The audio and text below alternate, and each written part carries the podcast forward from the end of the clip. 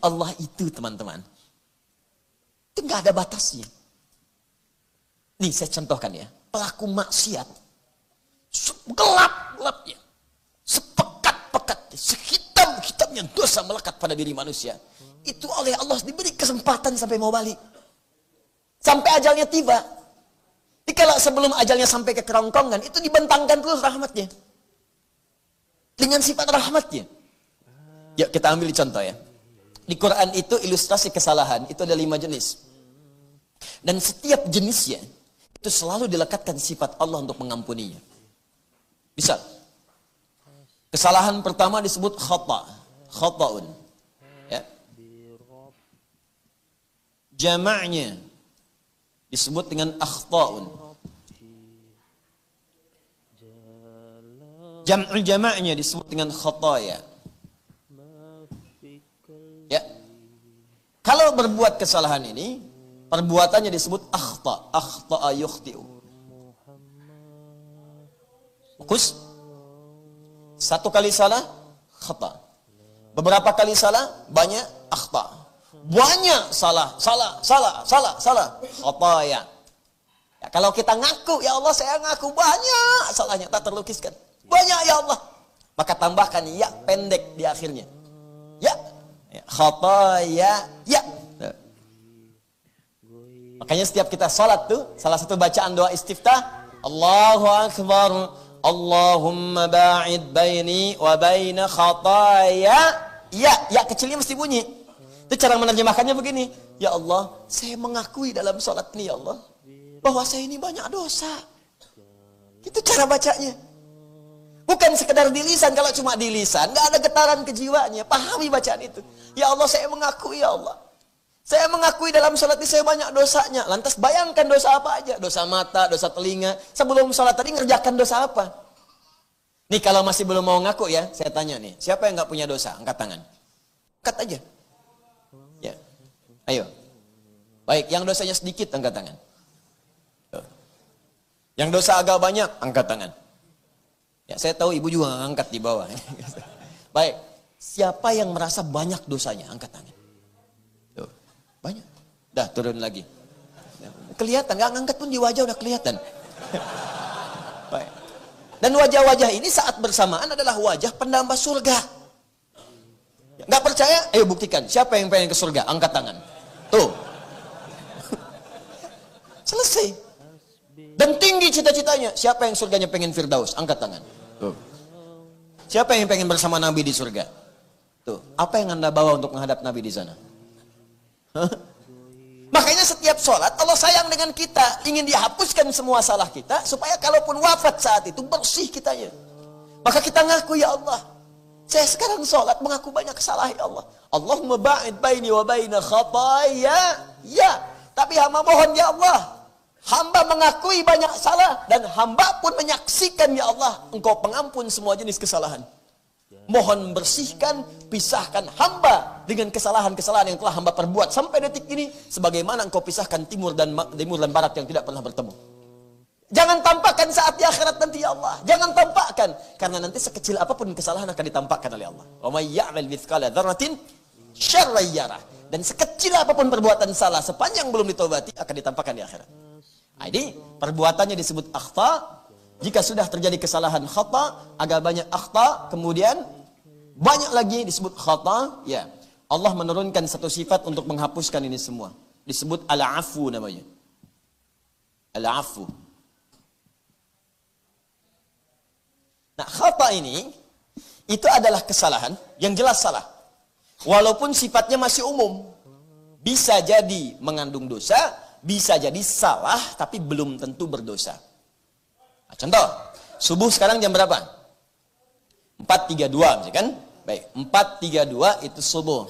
Ada orang baru bangun jam 6. 6. Bangun. Nah, belum sholat subuh. Salah tidak? Salah, jelas salah. Salah, belum sholat. Karena standarnya 432 itu siap-siap sholat. Dia jam 6 baru bangun, udah lewat syuruk. Udah lewat syuruk. Baik, nah sekarang salah tidak? Salah, dosa enggak? Belum tentu John, belum tentu. Kalau tidak disengaja, ya memang malamnya kecapean. Sulit tak terlukiskan sampai kemudian tertidur lelap. Memang bangunnya jam 2 untuk tahajud. Allahu Akbar. 11 rakaat khusyuk. Setelah itu selesai, jam setengah empat, lihat baca hadis, sunnah Nabi setelah tahajud bisa berbaring terlebih dahulu. Beling ke kanan. Berbaring dia. Cuman bedanya dia dengan Nabi, Nabi sebelum subuh bangun. Dia habis subuh baru bangun. Salah sih iya, cuman dosa enggak. Nah itulah khata namanya. Kalau sudah mengandung dosa, maka berubah kalimatnya menjadi zambun. Zambun. Nah, turunkan ini. Zambun. Nah ini ya satu jenis. Baik, subuh 4.32, dia bangun jam 6 sengaja. Memang sengaja terlambat karena malamnya dihabiskan nonton bola. Nonton Madrid nih, menang, menang, menang, menangis, kalah kan? Ah. Gak menang, ketiduran, terlambat bangun, salah dan dosa dia. Kesalahan yang mengandung dosa, sekali dosa disebut zambun. Allah tidak menginginkan ada orang, ada hamba Berdosa sekalipun sedikit dosanya. Kamu datang ke dunia bersih, pulang jangan bawa kotoran. Bersihkan oleh Allah, seketika dihapuskan. Maka diturunkan sifat yang kedua namanya ghafir. Ghafir. Muncul Quran surah ke-40 ayat ketiga. Ghafiri dzambi wa qabilit taubi Hei orang-orang yang pernah berbuat dosa, walaupun dosanya cuma sedikit, jangan merasa aman dengan dosanya. Ayo balik kepadaku, aku penerima tobat. Balik lagi ke jalan yang benar. Ghafirid dzambi, aku ghafir, mengampuni dosa, walaupun engkau baru rasakan sedikit dari dosa itu. Dzambun, pasangannya ghafir. Quran surah ke-40, ayat yang ketiga. Nah ada orang, sudah terlambat bangun, dan ngajak orang lain itu nggak sholat. Ya dia terlambat, ngajak orang lagi malam-malamnya. Mau ke mana? Tahajud. Tahajud kan besok-besok lagi. Ini pertandingan tuh menarik. Barcelona lawan Madrid. Ajak, ajak, ajak. Sudah dia ngajak orang lain, dia sendiri tidak mengerjakan. Maka muncul yang kedua lebih dari yang pertama. Dijamakkan bentuk zambu jadi zunub namanya. Zunubun. Kalau levelnya sudah naik dari zambun ke zunub, maka Allah pun tidak akan membiarkan hambanya larut dalam dosa diturunkan sifat yang ketiga namanya Ghaffar. Ghaffar, Quran surah Nuh ayat yang ke-10. Faqultu astaghfiru rabbakum innahu kana ghaffara. Ghaffar. Kata Nabi Nuh, Faqultu astaghfiru rabbakum, aku katakan pada umatku, eh minta ampun pada Tuhanmu, minta ampun. Tapi yang paling menarik, Innahu kana ghaffara. Sungguh Allah punya sifat ghaffar. Kenapa Nabi Nuh tidak mengatakan ghafir? Karena umatnya sudah berkali-kali bukan sekedar kemudian mencela Nabi Nuh, tapi sudah ngancam. Ngancam, mencela, menghadik, banyak dikumpulkan dosanya. Bukan sekali dosa. Tuh, begitu cara baca Qurannya. Jadi kalau ada sifat ghafar, artinya dosanya meningkat dari level yang pertama. Ya, pedasnya naik dikit. Level 1, level 2. Ya, naik terus, naik, naik. Nah, sudah dia kemudian tidak sholat, ngajak orang tidak sholat, dan mencela orang sholat. Ngapain sih ke sana? Ah, si Adul masuk soleh, biarin aja ke sana, ya kan? Udah. Kita mau sini aja. Bisa, dia. Ayo sini sini sini, naik lagi. Namanya dzunubun ma'avulmi plus zalim. Dzunubun plus zulmun. Maka Allah turunkan sifat yang keempat, namanya ghafurun. Ghafur. Terakhir, maaf ya. Orang ini Allahu Akbar. Dia profesional di bidang maksiat.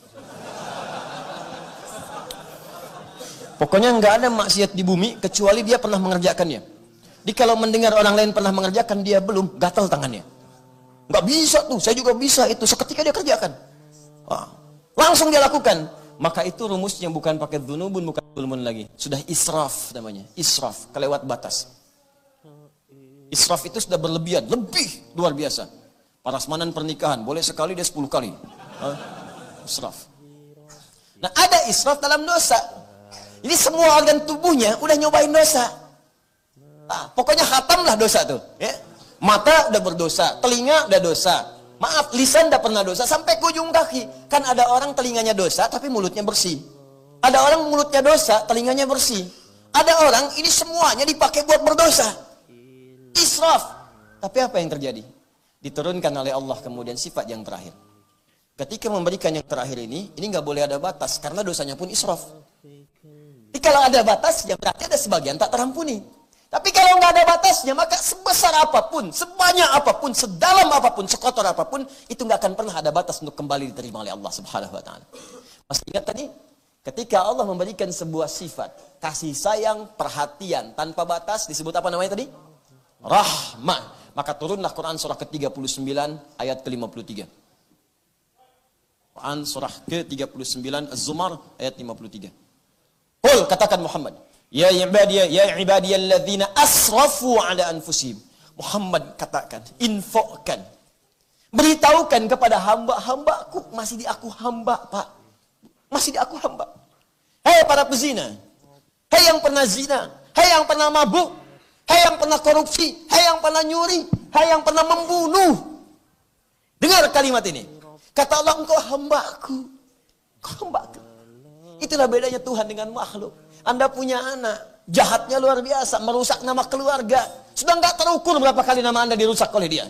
Sudah nggak terukur berapa kali keluarga kemudian dilecehkan oleh dia. Jahat dikenal di luar, muncul di televisi. Satu kali balik ingin bertemu Anda, diterima nggak? Huh? Baru nelpon aja, kamu nggak usah telepon saya lagi. Waduh, saya ingin ketemu Pak. Kamu bukan anak saya. Oh lantas anak siapa? Perhatikan Allah. Allah nggak ada batas. Kuliah ibadi. Masih di aku hamba. Muhammad katakan pada hamba-hambaku.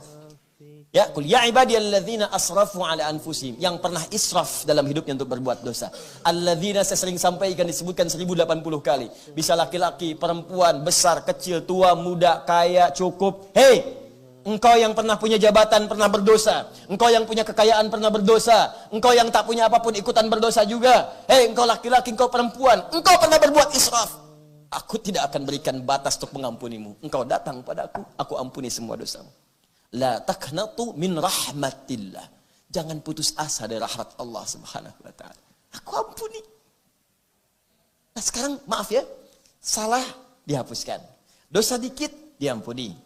Dosa tambah banyak digugurkan. Dosa lebih banyak lagi dihanguskan. Dosa tanpa batas masih diterima untuk dibersihkan. Kalau dengan semua kesempatan ini belum mampu menyentuh hati Anda untuk bertobat, lantas dengan cara apa lagi Allah mengampuni dosa-dosa Anda? Kalau ada orang pulang ke akhirat masih berdosa, itu makhluknya yang salah. Allahnya sudah terbuka, saya ampuni. Kamu yang gak mau minta ampun, saya kurang apa lagi ngampunin kamu sekarang? Dipantas kalau di akhirat tuh Allah murka. Pantas, sangat pantas. Padahal sifat Allah itu rahmatnya kemudian akan mengalahkan murkanya. Cuman sudah dikasih rahmat, gak mau ngambil, ya tinggal murkanya. Kata Allah, inna rahmati wasi'at kulla. Rahmatku itu melebihi segalanya. Rahmat Allah mengalahkan murkanya. Dikasih rahmat, gak diambil, ya tinggal murkanya. Kalau nggak mau dimurkai, ambil rahmatnya sekarang. Manfaatkan.